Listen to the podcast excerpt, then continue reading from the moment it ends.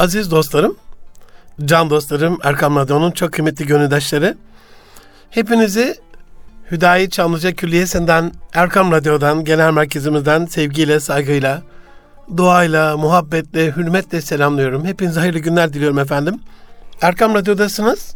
Münir Arıkan'la Nitelik İnsan programında 2022'nin 38. programında inşallah sizlere bugün bir yönetici olarak, bir lider olarak, bir işi çekip çeviren kişi olarak, bir kurumun başındaki sorumlu kişi olarak ya da hayatta bir işi başarmak üzere yola çıkmış bir öğrenci olarak, bir üniversiteli olarak, bir girişimci olarak hangi vasıflara sahip olmamız gerekliliği üzerine inşallah bazı paylaşımlarda bulunacağım. Bunu başarı yolculuğunda bize destek olan unsurlar gibi yorumlayabilirsiniz. Bir yöneticide bulunması gereken özellikler olarak yorumlayabilirsiniz. Başarılı olmak isteyen insanlar nelere dikkat etmeli bu konudaki bir tavsiye olarak ele alabilirsiniz. Ama her halükarda ister konumsal ister durumsal olsun bir kurumda lider olan, Mesela bu bir okulun müdürü olur. Bir sınıfın öğretmeni olur. O da oranın bir lideridir. Ee, bir şirkette bir departmanın başındaki kişi olur. Bir kurye kardeşimiz olur. İşine lideri olarak paket verilmiştir. Teslim yolculuğunda şirketini, kurumunu temsilen almış emaneti yola çıkmış te- teslim etmek üzere o temsil kabiliyeti beraber o anda onun lideridir, o işin lideridir. Çünkü yaptığı hatalar kurumu yok edecektir. Yaptığı güzellikler kuruma katkı sağlayacak. Markalaşmasına destek olacaktır. Bu anlamda aslında başarılı olmak isteyenlerin kişisel özellikleri, kişilik özellikleri gibi de ele alabilirsiniz. Böyle etiketlemeyi çok sevmiyorum ama hani programın girizgahında da programla ilgili bir başlık olsa o da kolay anlaşılmayı sağlar. Aziz dostlarım, can dostlarım, bize ulaşmak isterseniz nitelikli insan et erkamradyo.com e-mail adresinden et Münir Arıkan ya da et Erkam tweet adreslerinden bize ulaşabilirsiniz canlar. Günümüz dünyasında hep başarı odaklı konuşmalar oluyor. Sonuçta neyi başaracağımızla alakalı, kaç milyon ya da milyar dolar kazanacağımızla alakalı, nereye ulaşacağımızla alakalı, hangi makama geleceğimizle alakalı, hangi kariyere ulaşacağımızla alakalı kart vizitin ismimizin altındaki yazan satırıyla alakalı bir şeyler konuşuluyor. Ama o kart vizit hamili kart diyorlar ya hamili kart bu kartı taşıyan kişi yakinimdir diye böyle bir şey yapılır hep. Kart hamilinin taşıması gereken özelliklerle ilgili e, çok fazla bir şey çok fazla bir şey konuşulmuyor desem bu yanlış olur ama yeteri kadar konuşulmuyor desem herhalde maksat hasıl olmuş olur. Hani birkaç programdır anlatıyorum. Karnenin sağ tarafı da çok önemli. Hal ve gidişat çok önemli. Kişilik karakter çok önemli. Ahlaki değerler çok önemli. Kadim ve kutsal değerler, gelenek, görenek, adetler, anane, örf, töre çok önemli. Ve bütün bunların doğal ve ilahi kaynağı olarak Kur'an-ı Azimüşşan ve hadis-i şerifler Resulullah Efendimiz sallallahu aleyhi ve sellemin örnek hayatı bizim için çok çok önemli. Buradan çıkarttığımız düsturlarla isterseniz kısa kısa birkaç bilgi vermeye başlayayım. Aziz dostlarım, bir insanın başarı yolculuğunda, hayat yolculuğunda onun başarması için herhalde sahip olması gereken en önemli özellik iyimserlik olsa gerek. Bu konuda Mekke'de darlandığında, Medine'de ihanete uğradığında, Taif'te taşlandığında, Suudi Arabistan Yarımadası'nın değişik bölgelerinde yaptığı birkaç cihatta müşrikler tarafından zarara uğratıldığında ya da zarara uğratılmaya çalışıldığında, çalışıldığında Allah Resulü alemler rahmet Hazreti Muhammed Efendimizin, Fahri Kainat Efendimizin üsve-i hasene olan en güzel örneğin büyük bir imserlik içinde olduğunu görüyoruz. Yani şöyle düşünün, azim bir melek emrinize verilmiş.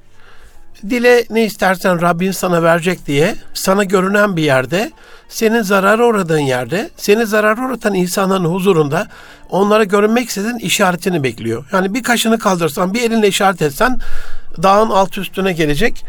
İki yakası bir araya gelip e, iki dağ kavuşup ortadakileri hercümerc edecek gökyüzüne kaldırılan e, yeryüzü tersine çevirip yerin dibine atılacak. Yani bu güce muktedir bir melek Allah'ın e, izniyle yollanmış ve emrini bekliyor. Yani böyle bir Allah'ın e, emriyle gönderilmiş meleğe gerek yok. İçimizdeki şey bile, vesveseler bile bize en ufak bir kötülük yapan kişiyle alakalı işte burnundan getireceksin emdi sütü, inim inim inleteceksin, şöyle yapacaksın, böyle yapacaksın. İnanılmaz bir zarar ziyan peşindeyiz. Trafikte bize yol vermeyen bir arabaya, kırmızı çıktı önümüze atlayan bir yayaya, arkamızdan geçmek için izin isterken biraz hadsizce kornasını uzun çalan sürücüye karşı tavrımız neredeyse hani arabamızda bir ateş savar lav makinesi olsa alıp arabayı ya da kişi yakacağız. Bu düzeye gelmiş tahammülsüzlüğümüz. Halbuki münafıklığın alametlerinden olsa gerek buyurulmuş. Yani yapılan bir kötülüğe hadsiz, sınırsız, hesapsız, misliyle değil kat be kat fazlasıyla işte kötülük yapmak ya da bunu kurgulamak e, Müslüman affedici olur. Zaten bizim önemli gün ve gecelerde Allahümme enneki afuhun kerimin tahibbul affafu anne Allahümme enneke affun kerimun toybul affa affa ne diye yalvarmamızın sebebi nedir? Allah'ım muhakkak sen affedicisin, affetmeyi seversin, bizi de affet, beni de affet gibi dualarla ona yakinleşmeye çalıştığımız bir mücadelede tabii ki iyi insanlar, büyük insanlar, önder insanlar, rehber insanlar, iyi liderler, gerçek liderler affedici olurlar. Affedici olmalarının peki altındaki şey ne? İşte o da iyimserlik. İyimser oldukları için. Çünkü diyor ki Rabbim kavmim bunu bilmeden yapıyor. Sen onları affet. Onların zürriyetlerinden, gelecek kuşaklarından senin dinine e, tabi olacak, senin dinine hizmet edecek, senin Resulüne tabi olacak bir kavim, bir nesil gelebilir. Dolayısıyla iyimser gelecekle alakalı. Akabe biatına bakın, e, Hazreti Ömer Efendimizin bile böyle e, ya Resulallah hani gitmiyor muyuz Mekke'ye hacı umre yapmıyor muyuz falan gibi böyle hiddetlendi celallendi bir anda bu yıl değil ya Ömer diyerek geri dönüyor. Çünkü iyimser gelecek yıl yapacağız diyor bunu. Ben size bu yıl hacı ve umre yapacaksınız demedim ki zaten. Evet hacı ve umre yapacağız ama bunu gelecek yıl yapacağız. Ne oluyor? Gelecek yıl Mekke fethediliyor. O gün orada o iyimser tavrı olmasa, o gün orada o biraz tavizkar gibi görür, görünüp de Müslümanların kalbine birazcık acı veren o zor kararları almasa e, gelecek yıl belki de Mekke'nin fethi müyesser olmayacak. Bu anlamda liderlerin iyimserliği geleceğe dair büyük ilham veren hedeflere sahip olmaklığından kaynaklanıyor. Sadece iyimser insanlar motivasyonları sürdürebilir kılıyor. İyimser oldukları için bir hedefleri var çünkü devam ettiriyorlar o mücadelelerini. Zor seçimler ve zor kararlar karşısında bile karamsarlığa kapılmıyorlar. Bu anlamda cesaret de hani daha kolay anlaşılsın, başarılı olmak isteyen insanların falan gibi sürekli yorumlamayayım. Hani liderliğin özelliği gibi anlatayım isterseniz programın bu aşamasından sonra bütün unsurları. İşinin lideri olur, evinin lideri olur. Bir pozisyonun lideri olur. Durumsal liderlik diyoruz buna. Yaptığı bir işin, bir departmanın. Öğrencilik de bir liderliktir değil mi? Öğrenmenin liderliğini yaparsa, öğren öğrenme liderliğini doğru yapabilirse, üniversite öğrencisi üniversite öğrencilik liderliğini, öğretmen derse sunma liderliğini, müdür okulu yönetme, rektör üniversite yönetme liderliğini, devlet başkanı ülke yönetme liderliğini her aşamasında yöneticiliğin gerekli olan özellikleri sizlerle paylaşacağım. Bu anlamda gelin liderlik özelliği diye kısaltmış olayım bu programın başlığını. Cesaret tabi burada e, çok çok önemli. Sürekli değişen ve kesintiye e, uğrayan işler karşısında yeni bir cesarete sahip olma, yenilenen bir cesarete sahip olma çok çok önemli. Bir yenilik gerekiyorsa hani eski köy yeni adet olmaz diye sıkıştırılır insanlar. Ama cesur insanlar yapabiliyor o yeniliği. Çünkü cesaret başarısızlık korkusunu yenme halidir aziz dostlarım. Bu anlamda bizim hani cesaretimiz olursa ne yaparız? güveniyorsak yüce bir makama o konuda daha cüretkar oluruz, korkusuz oluruz, pervasız oluruz. Kendi kabuğumuza çekilmeden mücadeleye devam ederiz. Cesaret aynı zamanda tabii kesinlikle ve kesinlikle başarısızlık korkusunu yemekle de alakalı ama kendini motive etmekle de alakalı. Mesela şöyle bir şey söyleyeyim. Bazı böyle cesaret yarışmaları var. E, işi sapkınlığa veren. Ama hani anlatmanın da başka yolu yok. Affımı istirham ediyorum zaman zaman televizyonlarda denk geliyorum. İşte bir bağlıyorlar ayağından. Aşağıda bir cam bir fanusta böcekler var. Kafa aşağı, sizi baş aşağı o kafese doğru indiriyorlar. Bunu kadınlarda da yapıyorlar, erkeklerde de. Ama karşılığında da büyük bir ödül var. Şimdi ya da yarışmada birinci olma. Hani bu sadece parasal ödülle alakalı değil. İşte o ülkenin, o bölgenin, o coğrafyanın en korkusuz, en cesur lideri olmakla alakalı bir şey.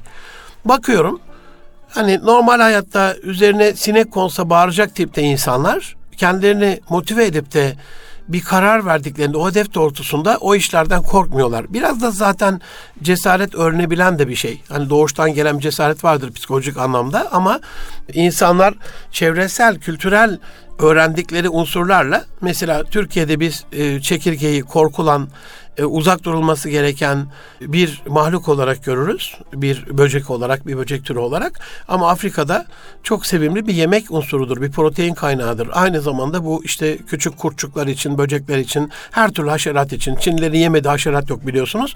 Dolayısıyla hani bir konuda cesur olmanız kendinizi onunla alakalı motive etmenizle de alakalıdır. Büyük ihtimalle Afrikalı kardeşimiz çöllerde açlıktan ölmek üzereyken onu gördüğünde hani yaşam kaynağını devam ettirecek bir protein olarak görüyor onu. Bir yemek olarak görüyor. Seviniyor. Onu yakalama konusunda ya da bir ava çıkan e, öyle bir yerli şey düşünelim mızraklarıyla falan. Evet aslanlara yem olma riski vardır. Bufaloları avlarken Serebniti'de Afrika'nın böyle göbeğinde ama ya e, aslanları yenerek aslanlara e, aslanlardan kaçarak ceylanı ya da bufaloyu yakalama şeyi olursa hedefi bu sefer de kabilesini doyurmakla alakalı bir şeyi sağlayacaklar. Dolayısıyla cesaret kendimizi neyle motive ettiğimizle alakalı bir şey. Bazı insanlar çok çalışmazlar çünkü kendilerini motive eden cesaretleri başarısızlık korkusu vardır insanlarda. Bir de başarı korkusu vardır. Ya şimdi ben başarı olduğumda yükümlülüklerim artacak. Hep benden bunu yapmamı isteyecekler gibi. Bazı kendine güvenmeyen insanlar başarıdan da kaçarlar. Odaklanmak çok güçlü bir liderlik özelliği e, aziz dostlarım. Ben bununla alakalı okuduğum kitaplarda hani deep learning derinlemesine öğrenme gibi bir kavramla karşılaşmıştım. İlgi odağındaki işleri okuma, bir anlamda at gözlüğü takıp sadece o konu odaklı derin araştırma yapma. Şimdi deep working diye bir şey çıktı. Deep focusing diye bir şey çıktı. Derin çalışma, derin öğrenme, derin fokusleme, derin odaklanma. Ben de sanki deruni öğrenmeyi ifade ediyor. Deruni çalışmayı, işin derununa vakıf olmayı, zahiren değil, işin batınına da vakıf olmayı ortaya koyuyor. Bu asrın insanı odağını dağıtıcı, birçok işte sosyal medya gibi çok sapkın sapkın birbirinden sapkın filmleri veren platformlar gibi sokaklarda tamamen teşhirciliğe dönmüş ıı, mahlukların röntgenciliği gibi medyada her gün basılan birbirinden çirkef çirkin ahlaksızlık örneklerinin bakılması gibi cep telefonunuza gelen, e, bilgisayarınıza gelen, televizyon ekranlarında, reklamlarda bile çok basit bir gıda reklamında bile tamamen cinselliği teşhir eden bir sapkınlığın sunulması gibi alternatifler çok arttığı için e, bu anlamda odağını sağlamakta zorlaşmıştır geçen yüzyıla göre.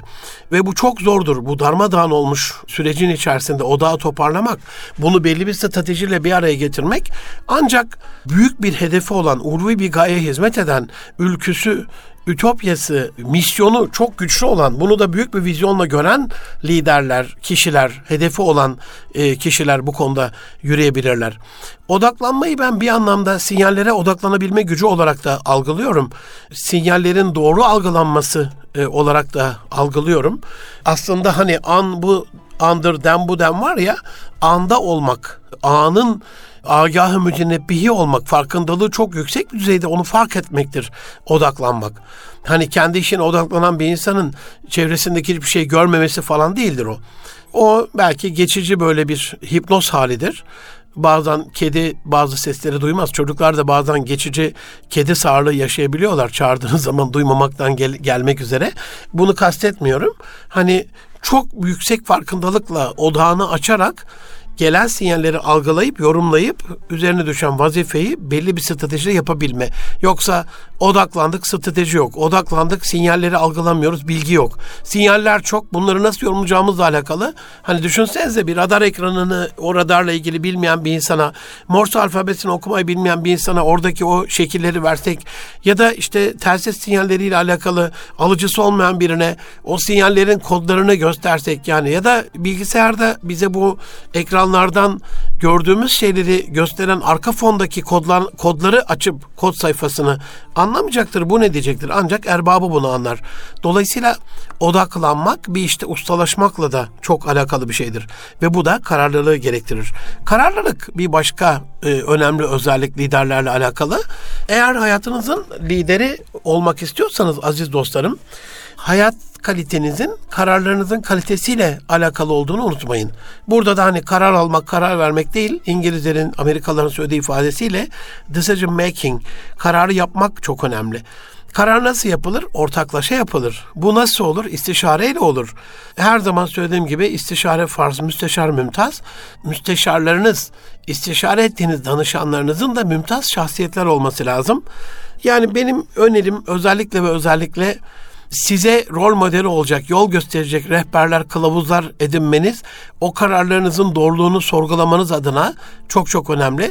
Kararlar biliyorsunuz ileriye doğru sorgulanamaz çünkü ne olduğunu bilmiyorsunuz, gaybı bilmiyorsunuz ama kararlar geriye doğru çok güzel sorgulanabilir. E, aldığınız kararların diyelim üniversiteyi okumak istemediniz. Her gencin böyle bir hırçın döneminde anneye babaya tepkiden dolayı ya da iş bulma e, kaygısı ya da korkusu ya da okuma kaygısı ve korkusuyla alakalı böyle bir e, cahil dönemi geçer. Herkes üniversite okumak zorunda değil. O ayrı bir şey. Ama potansiyeli olup okuması gereken insanlar da bundan kaçmasıyla alakalı e, işte tam bu dediğim olay ortaya çıkıyor. Ya ben okuyacağım da ne olacak diye falan böyle savsaklarlar. Bir müddet sonra istişare etmezler, danışmazlar kendi yeteneklerini ortaya çıkartacak insanlarla bunu konuşmazlar. Ama 3-5 yıl geçtikten sonra da akranları mezun olur, belli yerlere gelir. Kendileri iş bulamazlar. Buldukları işler daha düşük pozisyonda ve maaştadır. Statüleri de yıpranır ve ah derler keşke 5 yıl evvel, 10 yıl evvel şimdiki aklım bende olsaydı dememektir dolayısıyla istişare etmek. Bu kararlılığınızı bir insan nasıl kararlı olur? E, biz mesela koçluğunu yaptığım şirketlerde, yönetici koçluğunu yaptığım, executive coaching hizmeti verdiğim şirketlerde bilim kurulu oluşturuyoruz. Sebebi hani biz de oranın danışmanıyız ama bütün dünyanın ahkir insanı biz değiliz. En akıllısı biz değiliz.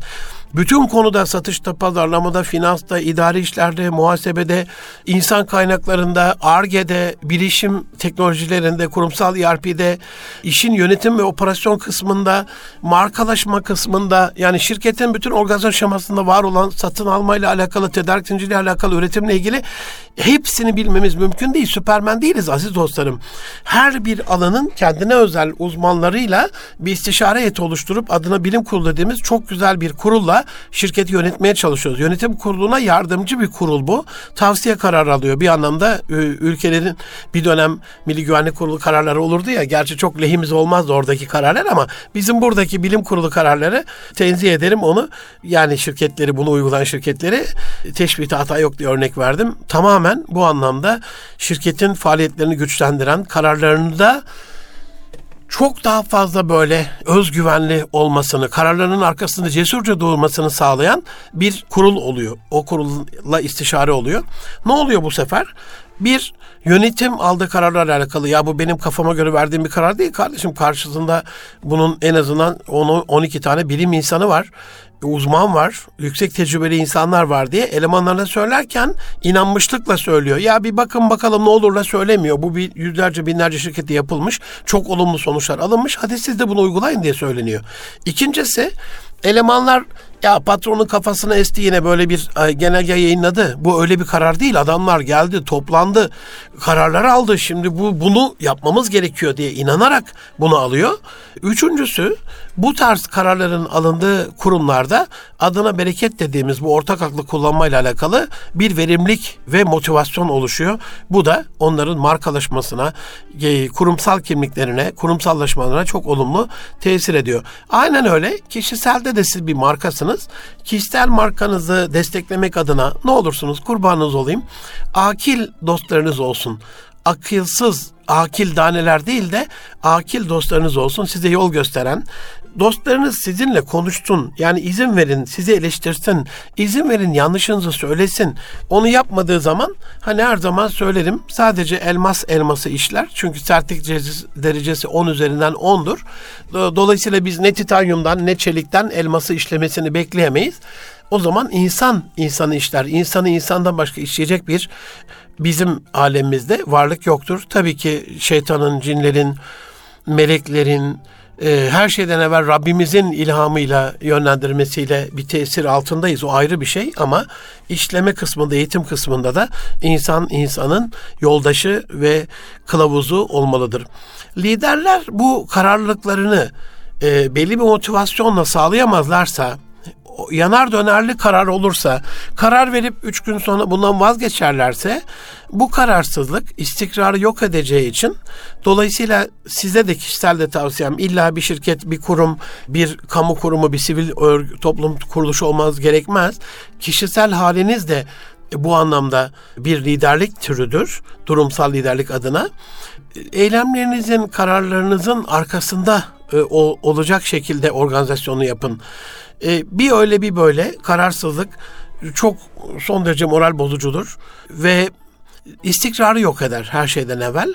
Bir kere azmettim mi de karar verdim mi de azmet ve devam et diye Allah'ın da zaten kitabında emridir insanlara. Kişisel liderliğimizle alakalı tabii biz anneden doğma bilgilerle bu hale gelmedik. Eğitildik, yetiştirildik, öğrendik. Bu anlamda öğrenmenin ana yakıtı olan merak çok önemli aziz dostlarım. Merak sahibi misiniz? Merakınız var mı? Yani ben çocukların o masum merakını e, çok çok önemsiyorum. Sürekli sorarlar bu ne, bu ne, bu ne, bu ne? Bıkmak, tükenmek bilmeyen bir öğrenme arzusuyla dop dolulardır. Ama biz bir kuruma, bir şirkete, bir okula, bir üniversiteye girdiğimizde etrafımızda olup bitenlerle alakalı e, hemen böyle bir kabuğumuza çekiliriz. Allah muhafaza bana dokunmayan yılan bin yaşasın mantıksızlığıyla kendi kabuğumuzda, kendi yağımızda kavrulur gideriz. Bu da bizi e, çevresel bilgilerden uzaklaştırır e, ne demiştim? Çevresel e, bilgileri, sinyalleri o, o, e, odağımıza alarak yorumlamakla alakalı bilmek zorundayız. Sinyalleri okuyamazsak odaklanamayız demiştim. Bu da bizim odaklanmamamızı getirir. Odaklanmamış insan doğru karar alamaz. Doğru karar alamayan insanın merakı o konuyla alakalı ya nasıl olsa sonuçlar kötü diye. Yani böyle bir kısır döngüye girer. Her türlü neresinden bakarsanız bakın külüm zarar olan bir şey. Merak ilmin kapısıdır aziz dostlarım. Bu merakınızı nasıl giderdiğinizle alakalı, bu merakın sizde nasıl olduğuyla alakalı. Yani ben bakıyorum mesela şimdi Avrupa'yı e, Anadolu yakasına, Anadolu yakasını Avrupa'ya Avrupa yakasına bağlayan köprüden geçerken insanlara bakıyorum böyle. Otobüste, metrobüste herkes böyle eline almış bir telefon oraya bakıyor.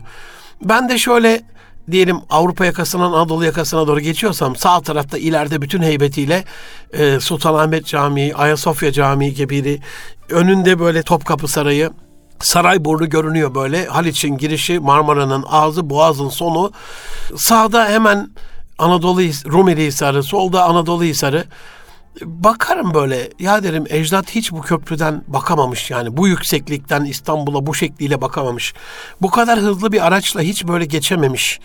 Bu kolaylıkla hayatını yaşayamayan insanlar burada bir medeniyet kurmuş ve biz şu anda bütün teknolojik gelişmeleri hayatımızdaki bütün kolaylıklara rağmen onların bize bahşettiği, devrettiği, emanet ettiği vatanı korumakla alakalı zafiyet e, geçiriyoruz. Bu anlamda mesela şöyle düşünün bir turist olarak gitseniz İnanın bunu bazen uçak böyle havalimanına inerken şehrin silüeti belirlemeye, belirgin olmaya başladığı anda hep yaşarım bu duyguyu. Bir heyecan kıpır kıpır yani bir şehre bildiğim ya da bilmediğim önemli değil. Bildiğim şehrin de bilmediğim özellikleri vardır. Keşfetmek e, odağıyla bakarsan, arzusuyla bakarsan, her gün gördüğün eşinde, her gün e, birlikte yaşadığın çocuklarınla alakalı, her gün çalıştığın arkadaşlarla ilgili de farklı farklı özellikler olduğunu göreceksin sevgili kardeşim, aziz dostum. Bu anlamda ne olursunuz şöyle düşünürüm. Uçak inmeye başlar derim ki dünyadan ilk Mars'a giden, işte bir başka bir gezegene giden dünyalılarız biz, insanlarız. Biraz sonra böyle içinde hayat olan bir gezegene iniş yapacağız yani. İnanın bu heyecanı her inişte olmasa bile hemen hemen birçok inişte yaşamışımdır. Yaşamaya devam ederim. Bu benim insanlara, şehre, mekana, e, ortama, çok daha farklı bakış açısıyla her seferinde bakmamı sağlar. Bu bakış açısı yeni insanlarla tanışmamın altyapısını yapar. Yeni insanlarla tanışmam o benim bilgi açığımı giderir. Ondan sonra bana dostlarım sorduğunda haşa yani benim çok çok süper ultra lüks böyle ya, bir yaşantım yok. Elhamdülillah çok süper bir yaşantım var da hani bu lüks anlamında söylüyorum.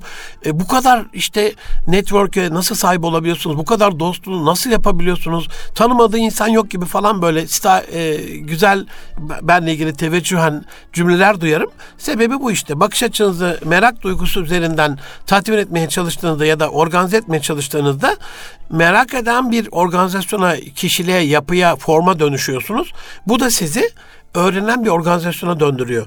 Merak yoksa yenilik olmuyor. Çünkü yenilik merakla başlıyor aziz dostlarım.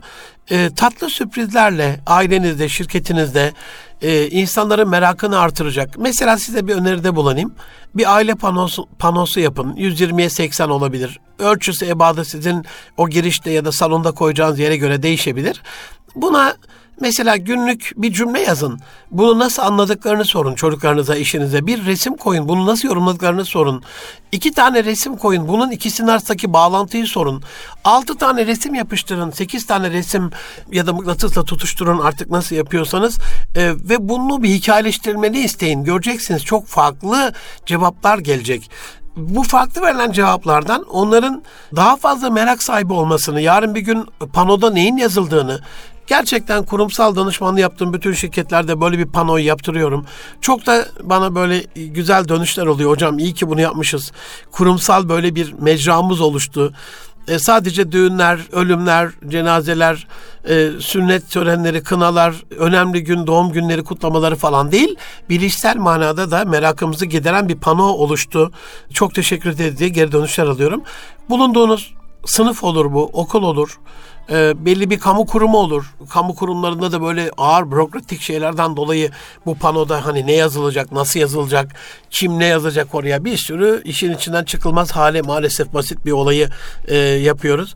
Ya sadece mutabık kalsanız her gün bir özlü söz paylaşacağız ve bunun yorumunu birlikte içselleştireceğiz. Her gün beş tane Türkçeden kelime yazacağız oraya. Bunu konuşmamızda zenginleştireceğiz. Yılda 1500-1600 kelime yapar ve konuşmanızı güzelleştirmenizi sağlar aziz dostlarım en azından. Ama biz hep olumsuz baktığımız için hani merakımız ya kötü bir şey yaparlarsa ya gayri meşru bir resim oraya koyarlarsa ya işte örfümüzde olmayan kötü ve çirkin bir lafı oraya yazarlarsa gibi hep halüsinasyonlarla yaşadığımız için o bilginin doğru kısmına da bizi ulaştırmıyor. Merakımızı bizi özetle geliştirecek bir yapıya e, çevirmemiz gerekiyor aziz dostlarım. Can dostlarım Erkam Radyo'da Münir Arıkan'la Nitelik İnsan programındasınız. 2022'nin 38. programı kısa bir aradan sonra kaldığı yerden ikinci bölümünden devam edecek. Az sonra görüşmek üzere efendim. Huzur bulacağınız ve huzurla dinleyeceğiniz bir frekans. Erkam Radyo, Kalbin Sesi. Aziz dostlarım, can dostlarım, Erkam Radyo'nun çok kıymetli gönüldaşları. Yeniden birlikteyiz. Ben Deniz Münir Arıkan, Nitek İnsan Programı 2022 38. bölümün ikinci bölümünde sizlerle beraberiz. Kişisel hayatımızda, kurumsal hayatımızda, üniversitemizde, yurdumuzda, okulumuzda, sivil toplum kuruluşumuzda, kamu kurumunda bulunduğumuz kısaca her yerde kurumsal ve durumsal ve kişisel liderliğimize destek olacak unsurları sizlerle paylaşmaya devam ediyorum. Şu ana kadar programın ilk yarısında iyimserliği çok büyük bir liderlik özelliği olarak cesareti, işimize tamamıyla odaklanmayı, kararlılığı ve merakı sizlerle paylaştım. Şimdi paylaşacağım kısım adalet, adil olmak. Yani bir, bir konuda biz liderlik yapabiliyorsak, liderlik demek ne demek? Çekip çevirebilmek, yönetebilmek. Ve siz bu konuda adil olmazsanız, adaletli davranmazsanız onu yönetemeyeceksiniz. Çünkü sünnetullah, adetullah'a ters. Bu anlamda güçlü liderler, aziz dostlarım, çevresine adil, ulaşılabilir ve empatik olduklarına dair bir enerji yayarlar ve siz onlara ulaşabilirlik sinyali yaydıkları için kolayca ulaşabilirsiniz. Sıkıntınızı onunla paylaştığınız için o da duruma vakıf olur ve hak olan neyse onu yapar ve dolayısıyla bu kurum adaletsizlikten kurtulur. Aynı zamanda empatik liderdir. Adaleti sağlayan lider kendine yapılmasını istemediğini başkasına yapmaz. Kendisi için istediğini çalışan için ister. Dolayısıyla ona bir vaka geldiğinde nerede ne yapması gerektiğini yüksek empatik duygusuyla bildiği için e, bunu yerine getirir ve çevresi de organizasyonel anlamda söylüyorum bunu bu organizasyonda korku ve kaygı kültürü yerine adilane bir iletişimin varlığını yaydığı için çevresine, çevresi kolaylıkla kendisine ulaşır. Bu kolay ulaşımı ne olursunuz? Hani aile programında değiliz, aile medeniyeti programında ama orada da inşallah ele alırım. Adil bir annenin, adaletli bir babanın, adil davranan, adaletli davranan büyük anne babaların, dedelerin, nilerin, kayınvalide ve kayınpederlerin onları kastediyorum. Aile kurumundaki önemini ee, inşallah orada da farklı bir şekilde ele alırım. Bir organizasyonda bu bir aile olur, şirket olur, okul olur, sınıf olur. Eğer korku ve kaygı varsa bir kere her şeyden evvel öğrenme bitiyor. Merak az evvel söylemiştim programın ilk yarısında merak bitiyor. Ee, insanlar odaklanamıyorlar hani sınıfta düşünsenize öğretmenlerimi tenzih ediyorum gönüldaşlarımı, meslektaşlarımı. Sen kalk sınav sınav yapacağım şimdi çıkartın kağıtları sen gel bakalım buraya tahtaya çık söz yapacağım seni falan gibi böyle hiddetli bir şekilde bağırarak çocukları çağırdığımızda bir kere beyinlerine hemen ket vuruyorlar. Öğrenme merkezini kapatıyorlar. Özgüvenleri dip yapıyor ve herhangi bir e, mutluluk hormonu salgılamadıkları için adrenalin zirve yapıp vücut kas katı kesiliyor. Artık isteseniz de esnek bir cevap alamıyorsunuz. Vücut fiziksel, biyolojik manada esnekliğini kaybetmiş oluyor çünkü aziz dostlarım. Ama gerek ses tonunuzla böyle kibar, mülayim, hoş bir ses tonuyla yavrularım çok güzel bilgilere sahip olduğunuzu biliyorum. Arzu ederseniz hadi bakayım çıkartın o güzel bembeyaz kalbiniz gibi, gönlünüz gibi, ruhunuz gibi, aklınız gibi tertemiz kağıtları. Bir yazılı yapalım canlarım hadi bakalım falan. Çok da özür diliyorum önceden haber vermediğim için falan gibi bir şey yaparsanız siz işte güçlü bir lider oluyorsunuz. Ama hadi bakalım diye hem haber vermediniz adaletsizlik hem çocuklar hazırlanmadı adaletsizlik hem bir de tarz olarak adaletsiz davrandığınızda yandı gülüm keten helva. İnşallah çevremizde sözüne güvenilen, sözüne saygı duyulan, e, her şeyden evvel empatik düşünerek ulaşılabilir olan, bulunduğu yerde de korku ve kaygı kültürü oluşturmayan bir lider olmaklığımız nasip olur diyelim. Can dostlarım, aziz dostlarım, Erkam Radyo'nun çok kıymetli gönüldaşları, düşünerek hareket etmek herhalde Allah'ımızın bir Müslüman için e, murad ettiği en önemli özelliklerden bir tanesi olsa gerek ve bugünün iş dünyası da tam olarak e, bunu istiyor. Düşünerek hareket etmek. Bununla alakalı 1990'larda İtalya'da araştırma yapan Giacomo Rizzolatti diye bir bilim adamı var, İtalyan bilim adamı. Ayna nöronları e, ilk bulan. Ne demek ayna nöronlar? Bir organizasyon içerisinde aynı duygulara sahip olan insanlar, aynı kaygılara sahip olan insanlar, aynı bilgilere sahip olan insanlar birbirinden habersiz olsa bile bir karar aldıklarında birbirinin verebileceği kararlar gibi kararlar alıyorlar. Dolayısıyla bir organizasyonda birinin acısı benim de acım oluyor. Senin acım benim acım oluyor. Senin kaygın benim kaybım, kaygım oluyor. Senin kaybın benim kaybım oluyor aynı şekilde. Dolayısıyla bu diyelim müşteriye karşı hata yapmamamı ortaya koyuyor. Çünkü senin şirketin bir çalışan olarak benim de şirketim oluyor. Senin prestijin benim de prestijim oluyor. Anne babalar çocuklarıyla alakalı hani bu empatiyi biraz yapsalar, çocuklar anne babalarıyla alakalı bu ayna nöronları biraz daha fazla çalıştırsalar ya burada annemin babamın rızası yok. Burada ona göre bunu düşünerek doğru hareket etmem lazım diye inanın hani çocukluğumuzda bu ayna nöronlar daha belki de bulunmamıştı bizim çocukluğumuzda ama vardı tabii ki keşfi e, bilimsel manada e, daha sonraları oldu ama tabii ki adetullah, sünnetullah yaratılış şeyimizde var. Allah bunu kodlamış bize. E, bu hızda düşünürdük yani ışık hızıyla bir şey yaparken Tabii ki bunun ihsan makamı en yücesi. Hani bir şey yaparken düşünerek hareket etmenin zirvesi. Bunu yaptığımda Allah'ım razı olur mu? Bunu yaptığımda Resulullah Efendimiz sallallahu aleyhi ve sellem razı olur mu? Bunu yaptığımda büyüklerim razı olur mu? Türkiye'de bir şey yapıyorsam ben böyle bir şey yapıyorum ama küresel güçlere onların dayatmasına, sapkınlıklarına acaba destek mi oluyorum? Ecdadım nasıl düşünür diye hareket etmek herhalde eylemlerin en güzeli olsa gerek. Çok hızlı bir dünyada yaşıyoruz. Kemal Sayar hocam sürekli böyle yavaşla diyor ya. Biraz yavaşlamak lazım. Bu küresel hız da bize anında bir eylem, anında bir işlem, anında bir sonuç böyle buna sevk ediyor bizi. Onun için dünyada çok böyle saygı duyduğum küresel liderler, Fortune 2000'in ilk belki yüzde biri, yüzde ikisi bilgi durumuna çok hayran olduğum Bill Gates gibi liderler, e, telafisi imkansız zararlara yol açmamak adına yıllık düşünce kamplarına çekilip orada e, düşünce detoksu yapıyorlar. Aranıyorlar, farklı bir level'a, farklı bir seviyeye çıkıyorlar. Ve bu kamplarda tamamen doğal bir yaşam tarzıyla bungalov, bambu evlerde sadece su ve e, doğal yiyeceklerle, pişmemiş yiyeceklerle bir haftalık bir kamp sonucunda belki bir 20 kitap okuyup değerlendiriyorlar. Üzerine de tefekkür ediyorlar. Herhalde bizim bu tefekkür etme işimiz de bu çağın düşünerek hareket etmenin öndeki en önemli engellerinden bir tanesi. İnşallah hani daha doğru bilgilere, bir dolu böyle fikirlere ulaşmak adına yeterli vakit ayırarak olgun fikirler toparladığımız, ham bilgilerle ilerlemediğimiz bir hayatımız olur. Sonuçta ben bir organizasyonun kalitesinin karar kalitesine bağlı olduğunu, kararlarında düşüncenizin kalitesine bağlı olduğunu bilen, bunu anlatan bir kardeşinizim. İnşallah düşünerek hareket ettiğimizde hem yürek yangınımızın azalacağı hem de karşımızdakine empatik baktığımız için onu sevmediği işleri e, yapmayacağımıza şöyle düşünün mesela bunu aziz dostlarım. Bir ailedesiniz. Eşimiz yemek yapıyor ve biliyor ki biz mesela pırasayı sevmiyoruz. Ve akşamda anne babamızı da davet etmişiz ve onlar da pırasayı sevmiyor. Olur ya, sevmeyebilir. Yemesinden yanayız ama sevmeyebilir. Ve gelin hanım akşamleyin pırasa böreği yapmış, pırasa dolması yapmış, pırasa çorbası yapmış, pırasa salçası yapmış. Ne hissedersiniz? Aslında bayağı bir uğraşmış, sofrayı hazırlamış, çok güzel süslemiş. Ama burada bir düşünce var mı sizce? Düşünerek hareket etmek neyi gerektirirdi? Evinize birini misafir edeceğiniz zaman, şirketinize bir konuk ağırlayacağınız zaman, biriyle bir yemeğe gideceğiniz zaman ya sana alerji yapan bir şey var mı? Sevdiğin bir şey var mı?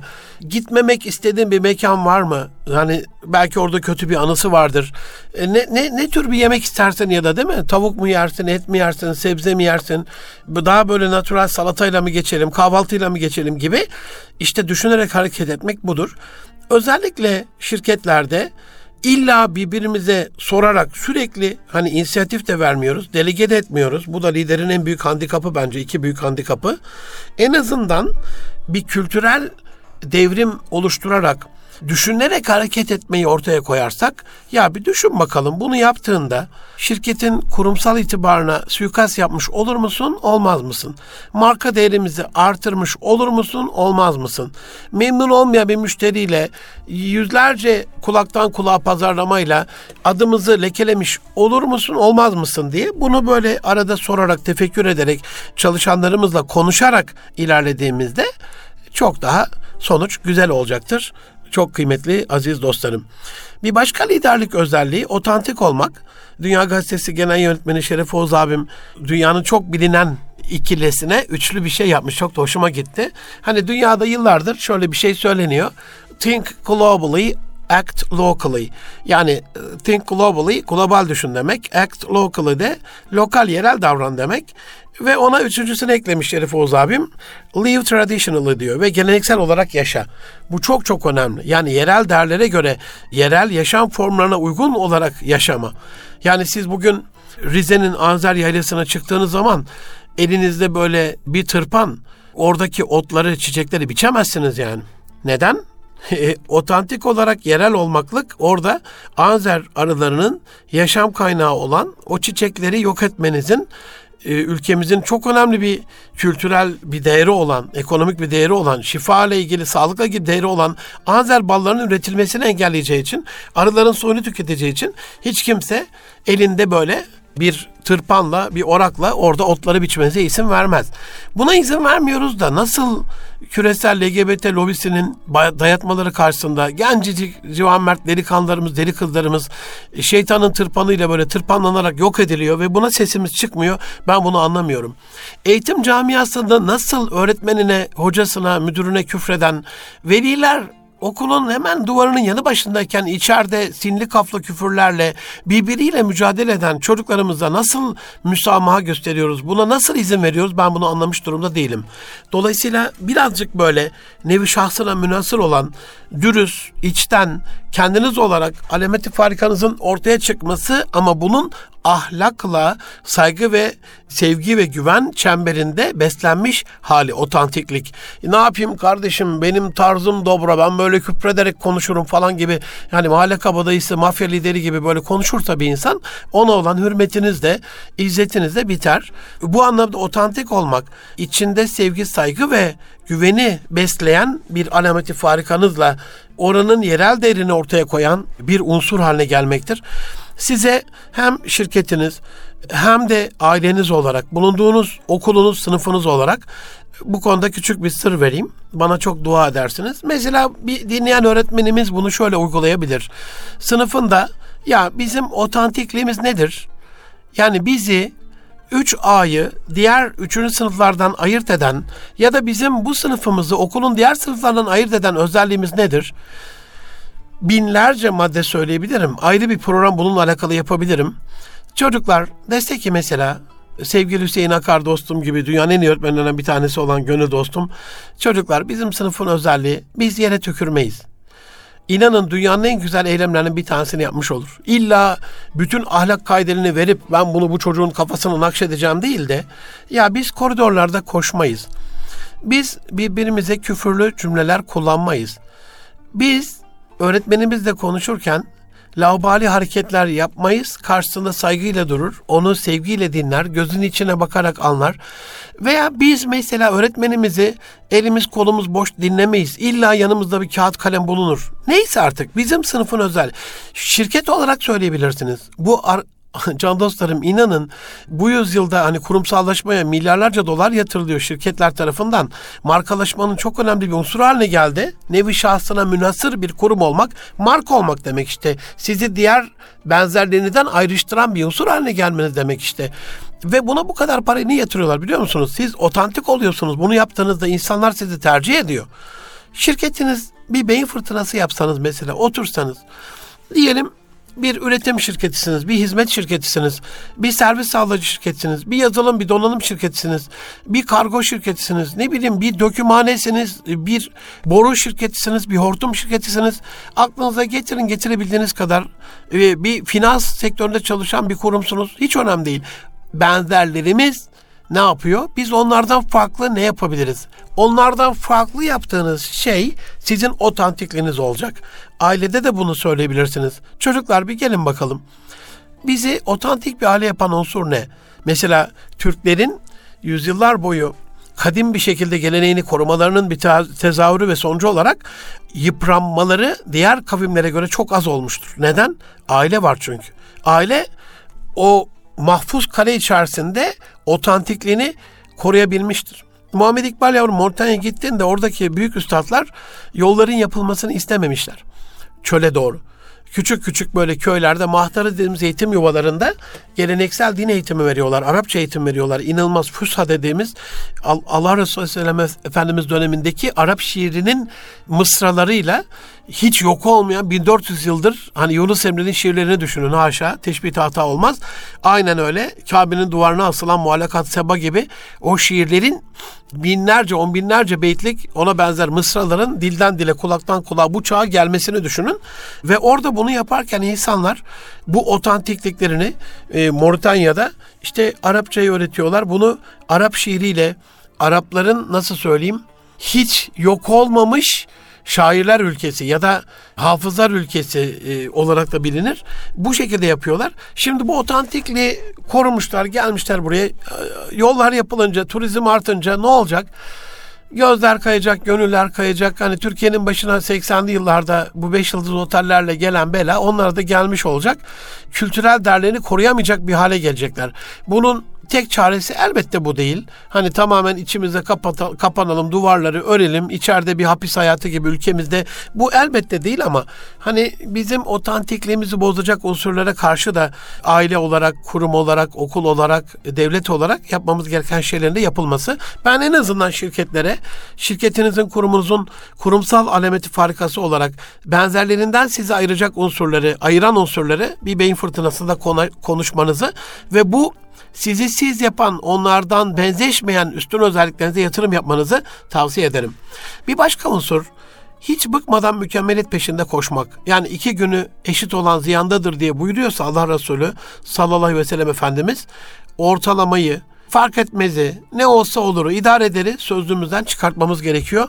Biz mal ve hizmetlerimizi, üretimimizi harika bir hale getirmeden mükemmeliyetçi bırakmamamız gerektiğini bütün çalışanlarımıza vermemiz gerekiyor. Allah beyin verdiyse normal ilkokul biri bitiren bir zeka seviyemiz varsa üniversite, e, master, doktora tamamen yapılabilir bir seviyede demektir. Bir insan bir şeyi okuyor ve bunu yazıyorsa ve bir soru sorulduğunda buna yazılı sözlü cevap verebiliyorsa ve her türlü ilerleyen dönemde bir bilim insanı olarak, bir sanat insanı olarak, bir kültür insanı, bir iş insanı olarak, bir akademisyen olarak her türlü başarıya e, imza atabilir. Bunun için işte ya aman idare eder nasıl olsa çok fazla da yırtılmamak lazım çok fazla koşmamak lazım gibi cümleleri hayatımızdan çıkartmak gerekiyor. Müslüman işini iyi yapan insandır. Müslümanda mükemmeliyetçilik, kalite anlayışı dini mübini İslam adına da olmalıdır. Müslümanların işini iyi yapması dini mübini İslam'a olan teveccüh de artıracağı için ya bunların elinden bir iş gelmez. Bunlar değersiz, kıymetsiz. Zaten böyle işleri sağlam olmayan insanlardır gibi bir yargıyı da bizden uzaklaştıracağı için bir anlamda bir tebliğdir, bir anlamda bir cihattır. Aziz dostlarım, işimizi mükemmel yapalım. Sofrayı hazırlıyorsak güzel hazırlayalım. Ödev yapıyorsak güzel yapalım. Bir sunum yapıyorsak muhteşem yapalım. Bir hazırlık yapıyorsak muhteşem yapalım. Ee, biraz işleri yoğun olan bir kardeşinizim. Ama gittiğim koçluk yaptığım kurumlarda, danışmanlık yaptığım kurumlarda ya hocam nasıl bu kadar yürek özetebiliyorsun? Geçen bir e, Türkiye'nin çok sayılı kurumlarından bir tanesi kariyer koçluğuyla alakalı bir rapor. Onlar yani A4 formunda, PDF formatında böyle e, mektup formatında aşağıdan yuk, yukarıdan aşağı yazılı halde veriyorlar. Ben onların her birine e, iki defa yaşadım bunu son dönemde. Bir Amerikalı bir grup hayran oldu. Ya hocam dedi hani bunu beyin haritalarıyla bu kadar klasmanlara ayırıp sunmayı ilk defa görüyoruz. Bu 25-30 yıldan beri bizim işimiz ama biz bile bunu düşünmemiştik. Hayran olduk diye bir söylediler. Riyadan Allah'a sınırım yani gurur kibirden ama e, işimi önemsemem anlamına söylüyorum. Yoğun bir dönemde bir de bir Türkiye'deki çok saygın bir kurumun e, çalışanları tarafından bu söylenmişti. Ya hocam biz basit bir otomatik rapor çıkartıyoruz. Siz buna bir haftanızı ayırıp nasıl böyle çok detaylı 10 tane beyin haritasıyla klasmanlara ayrılmış ayrı ayrı konu başlıklarıyla ve kendi yorumlarınızı bilginizi katarak bağlantılar kurarak böyle bir çalışma yapıyorsunuz diye. Bunu gittiğim yerlerde de duyuyorum. Elhamdülillah. Bu benim Münir Arıkan olarak mükemmeliyetçi e, kimliğim değil. Münir Arıkan bugün var. E, biraz sonra, bir saniye sonra yok olabilecek bir fani. Ama Münir Arıkan'ın bıraktığı iz Müslüman bir Münir Arıkan olarak başka bir iz haline geliyor. Münir Arıkan Müslüman bir insan. Münir Arıkan bu ülkenin evladı olan bir insan. Münir Arıkan Erkam Radyo'nun bir müntesibi olan, programcısı olan bir insan. Dolayısıyla yaptığınız bir hata kurumu Allah muhafaza lekelerse kuruma leke getirmemek adına inanın ne kadar çalıştığımı anlatamam. Ne kadar çalışsam da azdır. Çünkü kurumun haysiyeti, şerefi, itibarı, değeri e, kat kat kat ve kat sonsuz kat bizlerin değerinden çok çok daha fazladır. Bu güzel külliyeye her girdiğimde yanımda bir dostum varsa söylüyorum. Ya diyorum e, Aziz Mahmut Hüdayi Hazretleri'nin ruhaniyetine halel getirmemek lazım. Onun da bizden mahşerde razı olacağı bir şey yapmak lazım bugün bu külliyeye giriyorsak diye bu sorumlulukla düşünüyorum. Onun için mükemmeliyetçilik kısmında ne olursunuz size yakışanı yapın. Yarım işi kabul etmeyin, yarım iş yapmayın, kötü iş yapmayın. Sizden bize kalan her ne yapıyorsanız, karpuz keziyorsanız, domates doğruyorsanız, maydanoz yıkıyorsanız, bir ev süpürüyorsanız, bir sınıf süpürüyorsanız, bir tablo asıyorsanız, bir ödev, bir proje yapıyorsanız, bir üretim yapıyorsanız, her ne zaman ve nerede ne yapıyorsanız yapın, bunu mükemmel yapmanız gerekiyor. Çünkü Allah bununla ilgili kaynaklarını vermiş. Can dostlarım son olarak haysiyeti büyük ve saygın bir liderlik özelliği olarak size arz edip bugünlük bu kadar demek istiyorum. Saygınlık anlamında, onur anlamında, öz saygı anlamında haysiyet bulunduğu konuma yakışan bir biçimde davranma eğilimi demek. Yani biz mesela bir insan ondan beklenmedik bir hareket yaptığında haysiyetsiz insan deriz değil mi? Onu bir şeyle yaftalamak için. İlkeli ve dürüst olmaklığı gerektirir olgun bir kişilik sahibi olmamızı ve güçlü bir irade sahibi olmamızı karşı tarafa lanse eder. Böyle bir mala karşı, bir kişisel menfaate karşı bir teveccüh değil, çok müstahni bir yaklaşımı ortaya koyar. Aynı zamanda da bir sorumluluk duygusu ve sosyal duyarlılık da gerektirir bizim için. Bunu yük, bunu yükümlü hale getirir ya da bunu bize yükler bu duyguları. Bilgi, bilinç, hikmet e, bu anlamda haysiyet dediğimiz bu davranma eğiliminin ana sermayesidir, ana yakıtıdır. Demek ki bir kuruma o konuma uygun bir şekilde davranacak kişiler, liderler, yöneticiler, o makam sahipleri geldiğinde orayı bilgi, bilinç ve hikmetle donatmaları gerekiyor. Olgun bir kişilik göstermeleri, ilkeli ve dürüst olarak güçlü bir irade ortaya koymaları menfaatlere karşı da biraz müstani olmaları gerekiyor. Tom Peterson dediği gibi bu sorumluluk duygusu bir sosyal duyarlılıkla, sosyal faydayla sonuçlanması gerekiyor. Bu da bizim hani alan el veren el kısmındaki veren el olmaklığımız, zekatı vermemiz anlamında. Bu haysiyet kısmında liderlerin şöyle bir şey yapmasını, düşünmesini ben acizane son olarak tavsiye ederim. Bir kurumda hiçbir şey çalışanlardan ve ürünün kalitesinden daha değerli değildir. Hani yönetim felsefesi olarak bunu benimsersek haysiyetli davranma, çalışanlara da hakkını tam ve eksiksiz bir şekilde vermeyi, ürünün de tam hakkını vererek malzemeden çalmamayı, süreçlere hakim olmayı ve bunu çok iyi yönetmeyi ve dolayısıyla değerli ve kaliteli bir sonucu ortaya koymayı ifade eder. Aziz dostlarım, can dostlarım, bendeniz Münir Arıkan. Bugünlük bu kadar diyelim. Yaptığınız her ne iş olursa olsun inşallah Allah'ın rızasını gözeterek helal yoldan kazanarak kazancınızı helal yolda harcadığınız bir hayat diliyorum. Gelecek hafta bir başka konuyla görüşmek, buluşmak, konuşmak üzere. Hakkınızın helali dileyerek sizi Rabbi Celle'ime emanet ediyorum. Görüşmek üzere. Allah'a emanet olun efendim.